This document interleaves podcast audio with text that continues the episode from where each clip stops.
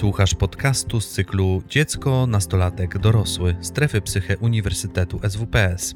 Wraz z psychologami, psychoterapeutami i innymi specjalistami rozmawiamy o zdrowiu psychicznym dzieci i młodzieży.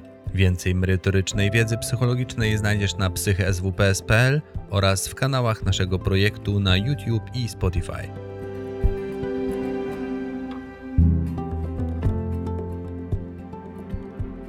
Ja w swojej prezentacji trochę będę się e, zajmował tym z perspektywy przede wszystkim lekarza, którym jestem, e, ale również psychoterapeuty, stąd e, tak naprawdę, żeby mówić o tym, jak jeden pacjent, bo będę używał takiego określenia na naszych podopiecznych, a właściwie dziecko i jego rodzina, może korzystać z pomocy różnych specjalistów, to na pewno wymaga to zrobienia pewnego aliansu i sojuszu terapeutycznego pomiędzy tymi elementami układanki, która wydaje się dosyć skomplikowana, prawda? Tam w minimalnym e, zakresie tam są przynajmniej trzy osoby, prawda? Jest e, sam pacjent, dziecko, jest e, terapeuta tego dziecka i jest lekarz, a za nimi jeszcze różne instytucje i w przypadku dziecka oczywiście jego rodzice czy opiekunowie prawni.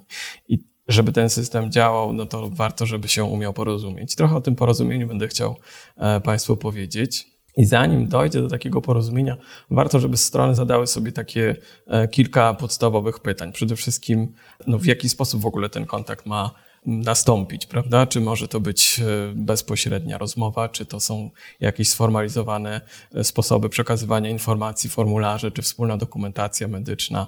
To też bardzo będzie zależało od tego, czy te osoby współpracują w jednym miejscu, tak? Czy to jest e, lekarz, który jest w tym samym ośrodku zatrudniony, czy to jest osoba konsultująca z zewnątrz, czy to jest współpraca z inną placówką.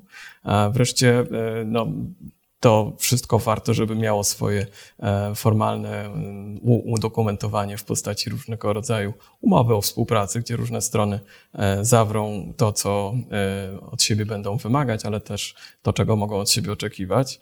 No i też sam sposób referowania do takiej współpracy, prawda, wymagać będzie też pewnej zgody i wiedzy no, z głównej zainteresowanej strony, czyli dziecka i jego rodziców, prawda, kiedy specjaliści będą omawiać albo e, przekazywać sobie pewne informacje, no to też musimy tutaj działać w zakresie obowiązującego prawa.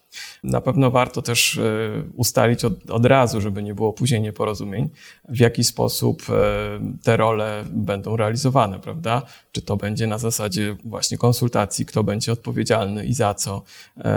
Też czasami niejasne e, oczekiwania mogą spowodować konflikt w postaci tego, że rodzice z dzieckiem przychodzą do kolejnego specjalisty e, ze swoim pomysłem, natomiast e, oczekiwania terapeuty, który do tego specjalisty kierował, były trochę inne i tu warto też ustalić, czego wzajemnie od siebie oczekujemy i w jaki sposób będziemy realizować późniejszą współpracę, prawda? Czy to będzie tylko jednorazowa konsultacja, czy to będzie poszerzenie współpracy o właśnie kolejnego specjalistę, e, czy w ogóle przekazanie problemu, tak? Czy osoby, która e, zajmowała się dotychczas i stwierdziła, że nie jest w stanie zajmować się dalej, przekazującej do na przykład ośrodka w wyższym poziomie referencyjnym, czyli tam, gdzie lekarz już jest na co dzień. Wreszcie um, też warto, żeby e, strony, które będą ze sobą współpracowały, wiedziały, jak pracują nawzajem, prawda? Jak rozumieją problemy pacjenta, e, czy mają podobne e, rozumienie tego, czym się chcą zająć, prawda? I czy nie ciągną każdy do swojej bramki, czy też mają wspólne cele terapeutyczne, z których z powodu pacjent przyszedł do nas na konsultację. Prawda? No i wreszcie sytuacjach takich e, współpracy zawsze pojawią się różnego rodzaju e, trudne momenty i też warto mieć na to odpowiedź, jak sobie w tych trudnych momentach radzić, co e, się dzieje, kiedy któraś ze stron widzi, że pacjent zaczyna rozgrywać nas trochę pomiędzy tym, żeby zantagonizować jedną i drugą stronę między sobą. Warto wtedy na przykład zasięgnąć jakiejś zewnętrznej konsultacji, czy mieć po prostu opiekę superwizyjną, dzięki której będziemy świadomi takich różnych trudności. Wreszcie na podstawie takich e, kilku punktów e, trzeba pamiętać o różnych e, podstawowych zasadach współpracy. No, jest tu niezbędna przede wszystkim przejrzystość relacji, prawda? Ustalenie sobie, czy jest to nadzór, czy jest to współpraca, i ustalenie, kto się kim zajmuje, prawda? Kontrakt, czyli ta umowa, o której już wcześniej mówiłem, też warto, żeby zawierał podział obowiązków, ról. No oczywiście zgoda rodzica i pacjenta na to, żeby wiedział o co chodzi i dlaczego te osoby znają pewne szczegóły, mimo że nie były im wprost powiedziane. Natomiast oczywiście jeszcze wzajemne też przekazywanie sobie informacji, sposób działania w sytuacjach takich standardowych, ale też kryzysowych. Co się dzieje w sytuacji, kiedy potrzebujemy pilnego kontaktu, czy pilnej konsultacji, czy pilnego przekazania sobie informacji. E, no i wreszcie mm, kiedy pojawiają się takie zewnętrzne e, problemy, ta opieka e, superwizyjna też jest niezbędna. W tej części postaram się trochę powiedzieć więcej o mm, takich specyficznych sytuacjach, w których wydaje się, że mm, osoba psychiatry, lekarza będzie niezbędna, żeby pojawił się w zespole leczącym czy udzielającym pomocy. E, I takich kilka wytycznych e, w podziale pewnie na niektóre jednostki medyczne czy problemy kliniczne będę chciał Państwu opowiedzieć.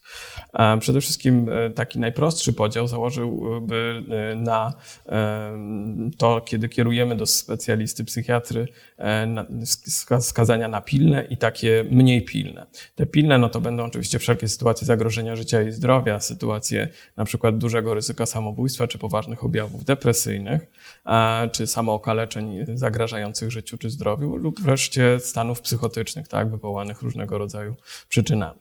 E, a te planowe, no to e, większość sytuacji, w których chcemy poszerzyć i proces diagnostyczny, czyli trochę rozbudować konceptualizację i rozumienie pacjenta o jego e, biologiczne aspekty i tutaj rola lekarza właśnie będzie pomocna, lub też poszerzyć spektrum oddziaływań terapeutycznych, kiedy nasze dotychczasowe możliwości się wyczerpują i widzimy, że warto by było jeszcze wspomóc interwencje na przykład o farmakologiczne aspekty, chociaż w przypadku dzieci i młodzieży nie jest to e, standard i raczej w dużej części przypadków podstawą jest działanie psychoterapeutyczne. Wreszcie są takie sytuacje i, i, takie rozpoznania psychiatryczne, e, z którymi pacjenci zgłaszają się e, na różnym poziomie, w których właściwie od samego początku niezbędne jest, żeby lekarz stosował również farmakoterapię, prawda? Oprócz oddziaływań e, psychoterapeutycznych mam na myśli tutaj e, takie zaburzenia, których w standardach leczenia e, leki są niezbędnym elementem, nawet jeśli mówimy o dzieciach, chociaż nie są to zaburzenia tak częste u dzieci, tak jak choroba afektywna dwubiegunowa i schizofrenia, czy różne inne psychozy. Tam mm, dołączenie leków e, wydaje się e, standardem, a niestosowanie farmakoterapii w przypadku takich rozpoznań, które są potwierdzone, jest raczej błędem w sztuce.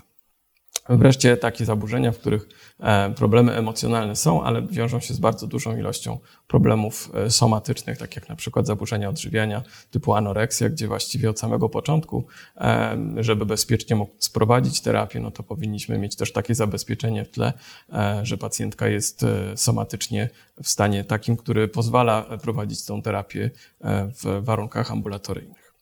Taką pomocną klasyfikacją która może w pewien sposób umożliwić e, w łatwy sposób ocenę, czy jest to stan e, nagły, czy bardziej taki stabilny, który możemy e, potraktować w sposób planowy.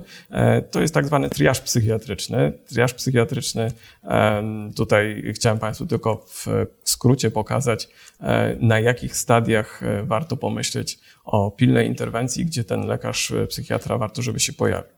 Idąc od końca, czyli na takim poziomie kodu triażu G, właściwie nie ma potrzeby y, ani szybkiej interwencji, ani nawet e, często takiej e, konsultacji bezpośredniej, bo często jest to po prostu pytanie do Centrum Koordynacji o to, a gdzie moje dziecko mogłoby uzyskać pomoc, bo właściwie to chciałabym, czy chciałbym e, się czegoś więcej dowiedzieć na temat tego, jak sobie z nim radzić, prawda? Czy też taki poziom F, gdzie mm, dzwoni ktoś z konkretnym pytaniem, gdzie ewentualnie jest poradnia, która mogłaby zająć się podejrzeniem całościowych zaburzeń rozwoju mojego dziecka, w którym w tym momencie nic się nie dzieje, ale gdzieś tam e, planowo chcielibyśmy się skonsultować. Wtedy tak naprawdę są to takie e, planowe konsultacje. Wreszcie e, e, kod triażu E mówi o tym, że e, mamy pewne ryzyko, natomiast jest ono niż, niskie w takim krótkoterminowym czasie i ten poziom ryzyka jest w miarę do opanowania dzięki temu, że środowisko w sposób bezpieczny zapewnia przetrwanie. I tutaj mówimy o tym, że taka pomoc oczywiście jest niezbędna, natomiast nie musi być ona nagła i natychmiastowa. Można wpisać na tak zwaną kolejkę czy na listę. Poziom D to e, ryzyko, w którym e, różnego rodzaju zagrożenia typu samookaleczeń, samouszkodzeń może być e, znaczne, natomiast lub umiarkowane, natomiast wtedy oczywiście już warto pamiętać o tym, że konsultacja powinna być w miarę pilna i bezpośrednio, prawda? I od razu przy umawianiu tej konsultacji zakładamy, że prawdopodobnie będzie tam również potrzebna ocena medyczna przez lekarza psychiatra. Poziom C to taki już e, poważniejszy, kiedy prawdopodobieństwo popełnienia e, e, samobójstwa jest większe, prawda? I kiedy ta pomoc powinna nastąpić w dosyć szybkim czasie, najlepiej tego samego dnia, czy w ciągu 24 godzin. I tutaj jest niezbędna bezpośrednia interwencja, bo na przykład pacjent zgłasza, że ma myśli samobójcze, chociaż nie są to myśli takie z planem, czy bezpośrednim chęcią ich realizacji prawda? I e, poziom B, kiedy jest bardzo wysokie ryzyko e, bezpośredniej szkody dla siebie lub innych i ta pomoc właściwie powinna być prawie natychmiastowa, prawda? To tutaj oczywiście też e, właściwie takie centrum i pomoc psychologiczna jest tym etapem przejściowym, gdzie natychmiast powinna być również udzielona pomoc profesjonalnie psychiatryczna, prawda? Najczęściej jest to po prostu przekierowanie bezpośrednie do izby przyjęć. No i wreszcie taki poziom krytyczny A, kiedy e, pacjent w trakcie naszego kontaktu już e, bezpośrednio zagraża swojemu życiu lub zdrowiu i wtedy to, co e, jest w naszej odpowiedzialności, to bezpośrednio kontakt i zawezwanie na przykład pogotowia, żeby taką osobę skonsultować natychmiast w Izbie Przyjęć Psychiatrycznej. I z takich e, wybranych e, problemów klinicznych czy zaburzeń, których e, jeszcze chciałbym parę słów powiedzieć, no to przede wszystkim najczęstszym takim problemem wymagającym współpracy wielodyscyplinarnej będą samobójstwa. Tutaj oczywiście w ocenie stopnia nasilenia ryzyka jesteśmy biegli, e, ale warto zawsze znać różnego rodzaju interwencje, które na danym poziomie są niezbędne. I właściwie na, każdej z tych, e, na każdym z tych pięter, czy to jest niskie, czy średnie, czy wysokie ryzyko, e, powinniśmy uwzględnić też współpracę z lekarzem psychiatrą. Chociaż nie zawsze jest to tak pilna i niezbędna, w każdym przypadku psychiatra powinien dołączyć do zespołu. W przypadku myśli samobójczych oczywiście e, takim podstawowym zadaniem no to jest ocena stanu psychicznego przez lekarza, ocena stanu somatycznego, prawda? Czy, e, czy są to sytuacje zagrażające życie, czy być może e, są tam współistniejące zaburzenia psychiatryczne, które wymagają intensywniejszego leczenia, no bo wiemy dobrze, że nie ma leków przeciwsamobójczych, natomiast są sytuacje i stany medyczne, które mogą skłaniać do samobójstwa i wtedy to leczenie jest niezbędne. No i też weryfikujemy, czy jest niezbędne w tej chwili natychmiastowe zgłoszenie się na Izbę Przyjęć Psychiatrycznych. Kolejną grupą zaburzeń, y, takich y, często sprawiających trudność i też mocno obciążających zespół, to są samookaleczenia. Podstawowe wytyczne w przypadku samookaleczeń, jeśli e, ocenimy je sobie w takiej pięciostopniowej y, skali Walsha, będziemy mogli w jaśniejszy sposób zdefiniować sobie, jakiego rodzaju interwencje będą potrzebne w zależności od tego, jak ocenimy intensywność tych samookaleczeń. Mówimy tu oczywiście o samookaleczeniach takich, których e, zamiarem nie jest dokonanie samobójstwa, tak? czyli te niesamobójcze samookaleczenia. I mm, tak jak Państwo e, pewnie e, macie świadomość, te interwencje zależne od poziomu nasilenia w dużej części na pierwszych kilku poziomach wymagają głównie po pierwsze identyfikacji, co się dzieje, jaka jest funkcja tego objawu, prawda? Ale później też te interwencje skupiają się przede wszystkim na oddziaływaniach psychoterapeutycznych i środowiskowych.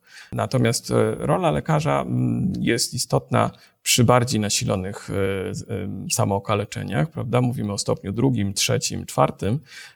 W sytuacjach, kiedy mamy podejrzenie bardzo istotnych okaleczeń lub takich, które mogą wymagać leczenia farmakologicznego ze względu na to, że one są wtórne do różnych zaburzeń psychiatrycznych. No i wreszcie lekarska jakby działalność jest też niezbędna wtedy, kiedy same okaleczenia są zagrażające życiu lub zdrowiu lub tak nasilone, że wymagają wręcz interwencji w ramach e, oddziału szpitalnego. Natomiast oczywiście też za każdym razem, e, kiedy mamy tego typu e, zgłoszenie, mm, rolą psychiatry będzie ocena e, stanu somatycznego, dokładne zbadanie, na ile te samookaleczenia są poważne, na ile wymagają interwencji medycznej, na ile też współistnieją z różnego rodzaju zaburzeniami psychicznymi, psychiatrycznymi. No i czy wymagają w tym momencie bezpośredniej interwencji psychiatrycznej. W bardzo rzadkich przypadkach samookaleczeń, e, mimo że jest to dosyć częste zaburzenie, to w większości z nich nie wymagana jest e, hospitalizacja. E, rzadko jest tak i tak się dzieje, że w przypadku nasilonych, czy takich zagrażających życiu, czy zdrowiu samookaleczeń lub takich, które są przejawem współistniejących zaburzeń psychiatrycznych, które wymagają leczenia psychiatrycznego w szpitalu, czy wreszcie w takich skrajnych przypadkach, kiedy widzimy, że te same okaleczenia e, współistnieją tak naprawdę z bardzo niekorzystną sytuacją rodzinną, kiedy widzimy, że e, środowiskowo nie jesteśmy w stanie pomóc e, na tym etapie i trzeba dziecko wyjąć z tego systemu na jakiś czas i pomóc opanować ten problem w momencie w takim bezpieczniejszym miejscu, jakim wtedy wydaje się szpital, co jest paradoksem, bo najlepiej byłoby, żeby bezpieczne było środowisko, w którym dziecko żyje na co dzień, no ale nie zawsze mamy taką szansę. Kolejną grupą problemów e, medycznych e, i psychologicznych jest e, depresja młodzieńcza. W takich podstawowych wytycznych leczenia farmakoterapia i rola leczenia psychiatrycznego zaczyna się od poziomu depresji takiej umiarkowanej do ciężkiej i jest to oczywiście jako opcja czy dołączenie do oddziaływań psychoterapeutycznych, natomiast farmakoterapia mm, jakby jest e, też dosyć ograniczona. E, takie sytuacje, w których warto pomyśleć, że konsultacja e, psychiatry jest niezbędna, to przede wszystkim podejrzenie, że dziecko ma tą depresję w, uwarunkowaną w jakiś biologiczny sposób. Na przykład mamy wywiad, że w rodzinie też są osoby chorujące na depresję, czy są inne czynniki ryzyka depresji. W przypadku łagodnych epizodów depresji zazwyczaj y, psychiatra nie jest konieczny, natomiast kiedy e, mimo tego, że stosujemy odpowiednie interwencje terapeutyczne, ta pomoc nie jest uzyskiwana, wtedy warto konsultację przeprowadzić psychiatryczną. E, wreszcie w przypadku depresji oczywiście umiarkowanej, czy o ciężkim nasileniu albo ciężkim z objawami psychotycznymi, e, czy też kiedy mamy depresję nawracającą. Tak? Kolejny epizod depresji też powinien być wskazaniem do konsultacji u lekarza psychiatry.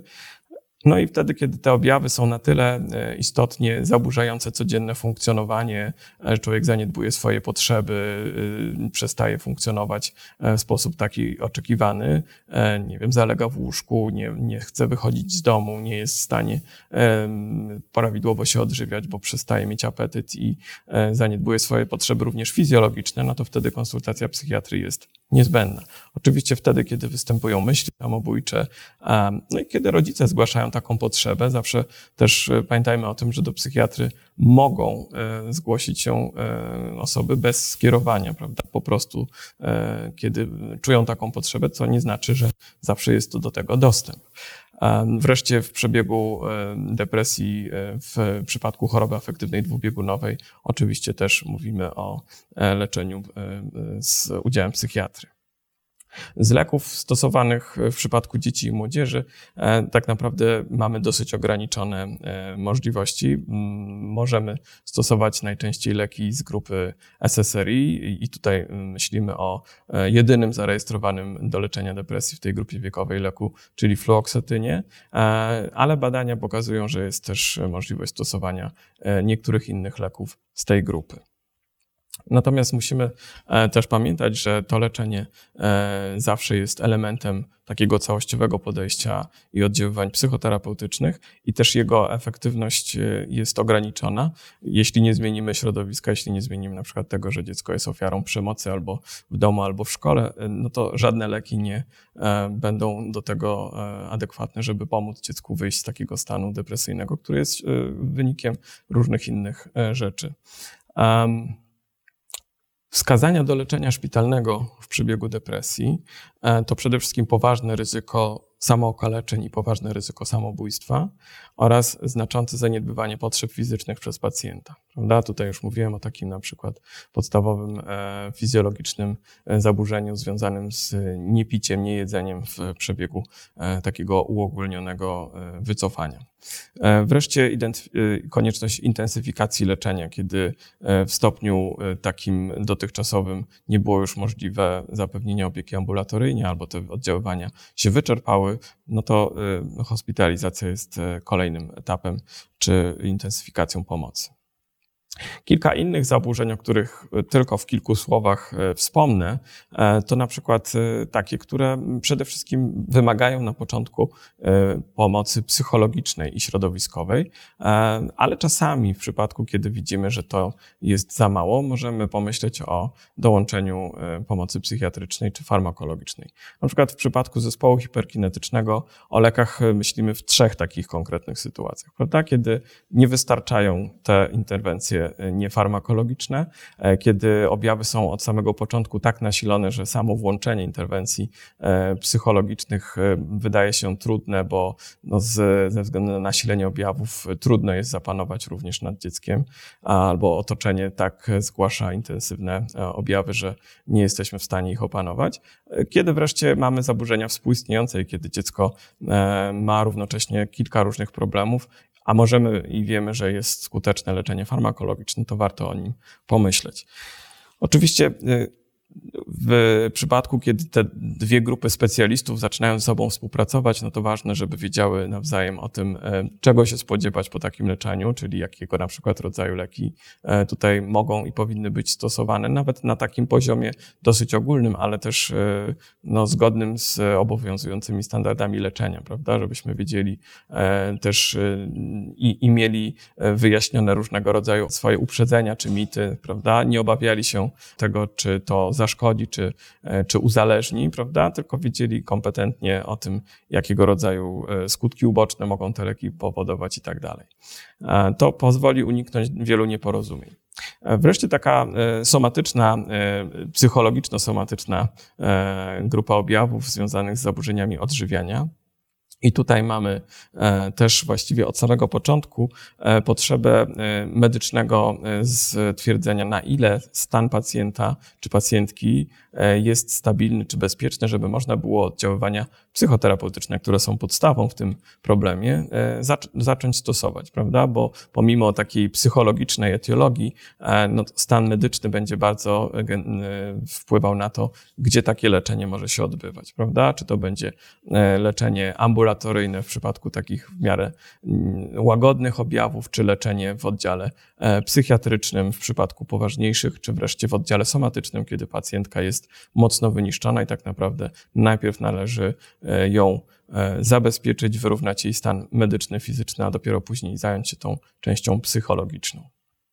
I takie zaburzenia, o których wspominałem wcześniej, e, które wymagają e, od samego początku interwencji również e, psychiatrycznej, to choroba afektywna dwubiegunowa i zaburzenia psychotyczne, gdzie też warto pamiętać, jakiego rodzaju leki są stosowane, po co są stosowane, kiedy można je odstawić, jak długo je należy podawać. I, i trochę jakby tutaj też rolą każdego z członka zespołu będzie psychoedukacja na temat tego, na ile jest to niezbędne albo e, konieczne leczenie, żeby e, to było skuteczne. Taką dodatkową kategorią, e, w której psychiatra powinien się pojawić już na poziomie diagnostycznym, to mogą być całościowe zaburzenia rozwoju, ale w tym przypadku no to oczywiście również wykluczenie różnych stanów somatycznych na poziomie takim diagnostycznym, ustalenie wskazań do poszerzenia tej diagnostyki o elementy medyczne.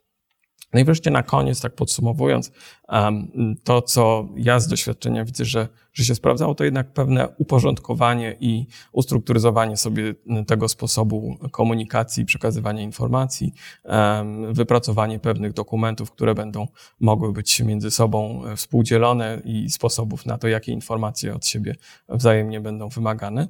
No i taka postawa przede wszystkim szacunku i wzajemnego poszanowania swoich kompetencji, bo każda z e, osób z zespołu leczącego warto, żeby e, miała też szacunek do drugiej strony, bo jesteśmy specjalistami i tylko wtedy, kiedy współpracujemy ze sobą, ta pomoc będzie skuteczna.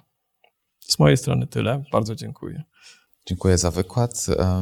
Tak sobie myślę, że, że pewnie jakbyśmy dodali tu innych specjalistów, właśnie nauczycieli, pedagogów, inne osoby z, właśnie z opieki, opieki zdrowia, no to jeszcze jeszcze ten, e, ten obraz byłby bardziej skomplikowany, jeszcze tak, trudniej. układanka by się zrobiła dosyć skomplikowana, ale myślę, że, że jakby się nad nią pochylić, to też dałoby się z tego ułożyć całkiem dobry obraz. No, e, obojętnie, obojętnie jak dużo będziemy tutaj sobie narzekać, no to jednak to się jakoś kręci, nie? więc współpracujemy ze sobą raz lepiej, raz gorzej, więc, więc myślę, że, e, że jest to rzeczywiście do wykonania.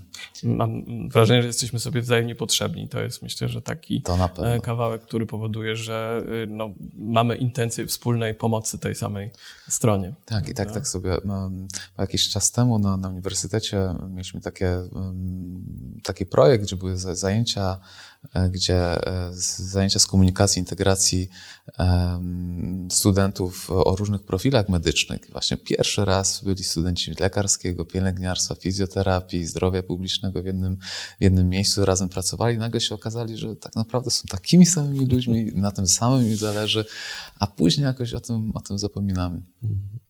Mhm. No, myślę, że to jest oczywiście kwestia tego, żeby właśnie popatrzeć e, też na drugą osobę z zespołu jako również e, człowieka, specjalistę w tym, co robi i osobę, która ma chęć też pomagać, prawda? Tylko w sposób, który jest nauczona e, z jego punktu widzenia. Tak, mam, mamy parę pytań z czatu YouTube'owego od naszych widzów. Pani Jolanta, z Pana perspektywy jako, jako, jako psychiatry tutaj, tutaj chyba bardziej, czy rodzice e, raczej dążą do przypisywania leków, żeby właśnie pozbyć się szybko problemu, e, czy może właśnie raczej boją się ich i, i czasem za późno decydują się na włączenie leczenia farmakologicznego. Pewnie prawda leży gdzieś po środku, bo mm. mam e, sytuację takich rodziców, którzy e, woleliby tego uniknąć, prawda, I, i, starają się za wszelką cenę zrobić, co się da, prawda. Natomiast, no, oczywiście, że czasami ich możliwości albo możliwości systemu się wyczerpują i, i te objawy są na tyle intensywne, że wręcz właśnie zagrażają temu, że jeśli nie podejmiemy współpracy z psychiatrą, no to to wszystko pójdzie w złą stronę. E, I oczywiście z takimi rodzicami też warto wtedy rozmawiać nad tym, e, jakie mają swoje przekonania, które ich blokują przeciwko e, skorzystaniu z pomocy. Często są to osoby, które mają różne właśnie mity i, i swoje własne mm. złe doświadczenia z tym. Może jak, jakieś jak najpopularniejsze, tak żeby może jakieś A, chociaż no jedno, na przykład, jeden że leki roz, uzależniają, rozwiać. prawda? W ADHD mm. często przecież od tych leków też jakby zakładamy że, że nie wszystko zależy, prawda? Taką mhm. podstawową e, regułką, której ja lubię używać, to jest, że nie ma tabletki na grzeczność, prawda? A jednocześnie e, rodzice, którzy e, wcześniej nie stosowali leków albo na przykład bali się tego, a w końcu dołączono tą farmakoterapię, przychodzą i mówią, no właściwie gdybyśmy od tak. początku, co nie jest prawidłowe, żeby od początku, tak. mhm. ale żebyśmy wcześniej to zrobili, to on nie zawalił poprzedniej klasy, mhm. prawda? Byłby w stanie zdać e, bez większych problemów, nie byłoby takiego napięcia w rodzinie. Równocześnie byśmy zrobili te warsztaty dla rodziców, mm. on by chodził na grupę e, umiejętności społecznych, tak. miałby swoją terapię, ale byłoby to na takim mniejszym poziomie wzbudzenia, prawda? To ja lubię nieraz mówić właśnie, bo jestem krótkowzroczny, więc mówię, że to leki powinny być jak, jak zakładanie okularów. E, czyli nie zmieniają magicznie. Tak, ale to są właśnie czasami mm. potrzebne. Można wytężać Dokładnie. wzrok i się e, Męczyć wysilać. Się. Albo żeby... przyzwyczaić się, że nic nie widzę. Przyzwyczaić się też można. Można różne strategie kompensowania sobie tego, mm. co nam nie wystarcza znaleźć. Oczywiście. A tak, tak, tak zastanawiam się, czy, czy jeżeli um, pracujesz z 16-latkami w górę i tu jest już ta, ta, to prawo do też decydowania, czy to, to pod względem leków i, i tej gotowości jakoś jest inaczej? Taka rozmowa oczywiście zawsze wymaga mhm. bardzo takiego dużej delikatności i przede wszystkim uprawomocnienia tych potrzeb, które już nastolatek ma, nawet pod względem prawa ma prawo wyrażać swoją zgodę lub sprzeciw na stosowanie takich rzeczy jak farmakoterapia. Oczywiście tak, w przypadku szesnastolatków muszą się zgłosić i rodzice, i, mhm. i ten młody człowiek ze zgodą na to, żeby zastosować takie oddziaływania. I mam nawet taką y, ostatnio pacjentkę z depresją, która została przeprowadzona przez rodziców y, w sytuacji, gdzie już jest prowadzona psychoterapia jej indywidualna, którą mhm. rodzice ocenili, że jest nieskuteczna. E, dziewczyna jest bardzo zadowolona z tej e, terapeutki, chce tam chodzić, widzi postęp, natomiast rodzice mają zupełnie inny e, jakby cel do mhm. tego, żeby ta nastolatka osiągnęła. Ona ma trochę inny. Przyszli do mnie również widząc pewną niezgodność w swoim celu, ona dalej szukała pomysłu i potrzeby leczenia, prawda, czy pokazania, że jest chora i w związku z tym była bardzo gotowa na to, żeby dołączyć farmakoterapię. Natomiast rodzice byli bardziej e, zdania, że przecież jest leniwa i e, wszystko to, co się z nią dzieje, to mogłaby się bardziej postarać, a jakie leki, jak ona wcale nie jest chora. Znaczy, czy też są tu różne takie sytuacje. Myśmy sobie dali przestrzeń na to, żeby o tym porozmawiać. Każda ze stron miała prawo wyrazić to, jak sytuację widzi. No i doszliśmy do kompromisu w tej chwili leczenie się odbywa. Pan Michał, co z e, perspektywy pana doktora jako psychiatry jest największym wyzwaniem i z drugiej strony największym zasobem, jeżeli chodzi o kontakt z psychologami, psychoterapeutami? A z drugiej strony, właśnie jako psychoterapeuta, kiedy na przykład e, pana pacjenci mają, e, ci terapeutyczni mają innych psychiatrów, co jest największym wyzwaniem, a korzyścią? Mhm. Znaczy, generalnie ja e, preferuję zawsze pracę w zespole. Tak? Jak zaczynając, pracowałem w szpitalu, gdzie właściwie myśmy, z racji, że był to oddział dla dzieci i młodzieży, no to właściwie głównie korzystaliśmy z pomocy psychologicznej i, i duża część naszych pacjentów, poza tym, że trafiała do szpitala, E, od strony medycznej, ale e, no, wymagała pomocy psychologicznej i bardzo e, służyły mi te wspólne omawiania i możliwości wymiany informacji psychologów, terapeutów, terapeutów zajęciowych, prawda, czy dietetyków z lekarzami i pielęgniarkami. Natomiast w drugą stronę, kiedy ja jestem w roli psychoterapeuty, to też bardzo mi świeżbi ręka, żeby sięgnąć po receptę, ale oczywiście wolę dać przestrzeń i, i porozumieć się z lekarzem psychiatrą, który prowadzi e, to leczenie, e, mając świadomość, że jeśli się z czymś nie zgadzam, to mogę o tym e, powiedzieć, prawda? Ważne jest zawsze, żeby e, nie wciągać pacjenta w te rozgrywki, które się dzieją w zespole i, i być świadomym tego, że jeśli coś jest tam na rzeczy, to obgadać sobie to między sobą, e, a nie powodować, żeby pacjent przestał mieć zaufanie do którejś ze stron, bo to jest po prostu nie, nieetyczne. Rozumiem, że pacjent wie o tym, że, że, roz, że tak, rozmawiacie. Tak. Mhm. Pani Sandra, e, dzień dobry. Chciałabym zapytać, czy u dzieci i młodzieży diagnozowanie zaburzeń odżywiania, tak samo jak u dorosłych, opiera się innymi na podstawie wysokości masy ciała, czyli wskaźnika BMI? Y, jak najbardziej, natomiast oczywiście w klasyfikacjach mamy całą listę innych e, kryteriów, które są e, niezbędne do tego, żeby to rozpoznać.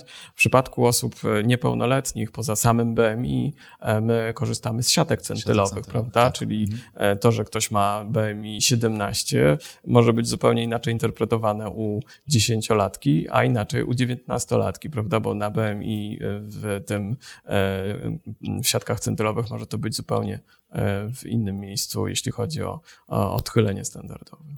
No i też tutaj chyba warto um, tak przypomnieć, że, że to BMI jest najważniejsze tak naprawdę przy, przy anoreksji. Przy innych zaburzeniach odżywiania to już tak naprawdę BMI jest zazwyczaj w normie albo nawet powyżej. Tak. I BMI to jest, znaczy zaburzenia odżywienia to jest dużo więcej niż tylko jedzenie i masa ciała, więc to są te inne, inne objawy też, na które zwracamy zawsze uwagę. Pan Tadeusz, jaki model e, współpracy wydaje się Panu najlepszy właśnie w tym nowym, zreformowanym systemie centrów? Czy właśnie bardziej jakieś hierarchiczne, czy bardziej płaski? Kto chyba, wspominałeś o tym, że, że czy to ma być nadzorca, czy, czy to jest raczej równo? No, bo gdzieś to jest wtedy zawsze problem, kto, kto za co decyduje. E, ja myślę, że to jest wszystko też e, kwestia tego, jak i na co się umówimy. Ja myślę, te, te, te, modele są dopiero wypracowywane e, i jakby oczywiście reforma zakłada, że jest pierwszy, drugi, trzeci poziom mhm. referencyjności, no to ta referencyjność jakby mówi trochę bardziej o skomplikowaniu problemów, prawda? Nie, że ktoś jest wyżej. No i w związku z tym e, zakłada, że są tam specjaliści, można powiedzieć, bardziej przygotowani do bardziej złożonych mhm. e, kłopotów, prawda? I pamiętając o tym, że na drugim poziomie ten psychiatra się pojawia, ale nie jest e, głównym, prawda, członkiem tego zespołu, bo tam też przede wszystkim są psychoterapeuci, psycholodzy kliniczni, prawda, specjaliści z psychoterapii i, i oni jak, jak najbardziej są do tego przygotowani. Myślę, że to jest też kwestia ustalenia takiej superwizorskiej superwizorskiej e, e, części, prawda, gdzie superwizor będzie tą taką zewnętrzną czy niezależną e, opinię mógł mieć na temat tego, co się dzieje w procesie leczenia. Mm, I trochę to, tak jak też pokazywałem, zależy od tego, jaki jest cel takiej konsultacji. Czy to chodzi bardziej o poszerzenie naszego widzenia pacjenta w konceptualizacji i diagnozie, prawda? Wtedy takie badanie kliniczne jest konsultacją, prawda? Mhm.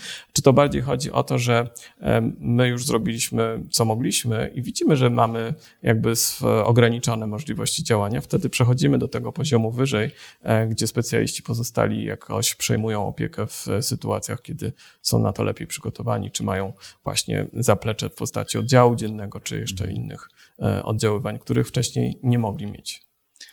To ostatnie pytanie, bo czas nam się kończy. Czy ma pan doktor jakiś pomysł na dobrą praktykę, na, na dobrą współpracę pomiędzy lekarzem, psychiatrą, a szkołą, na przykład z psychologiem szkolnym czy nauczycielami? Mm, pomysłów nie mam, chociaż wiem, że często e, jest o to e, też pytanie ze strony szkół, które pewnie czułyby się bezpieczniej, e, gdyby miały możliwość kontaktu bezpośredniego ze specjalistą psychiatrą. Natomiast ja uważam, że jednak takim pierwszym miejscem interwencji powinien być ośrodek typu Środowiskowe Centrum Zdrowia Psychicznego prawda? I szkoła właściwie najlepiej, żeby miała dobrą współpracę i szybką prze, y, przekazywanie informacji i, i, problemów właśnie do takiego miejsca. Ewentualnie, gdy, gdy, gdy, dziecko z danej szkoły jest pod opieką psychiatrym, to wtedy pewnie kwestia, pewnie jeżeli tak, to jest w jakimś tak. środowiskowym, tym drugiego, drugiego stopnia, no to no pewnie to oczywiście, ten, ten że wtedy jest, jest to też znowu wypracowanie modelu e, współpracy, współpracy z zewnętrznymi takimi ośrodkami. Tak. Bardzo dziękuję. Ja również za, dziękuję. I za wystąpienie, i, i za, za odpowiedzi w dyskusji. Do zobaczenia.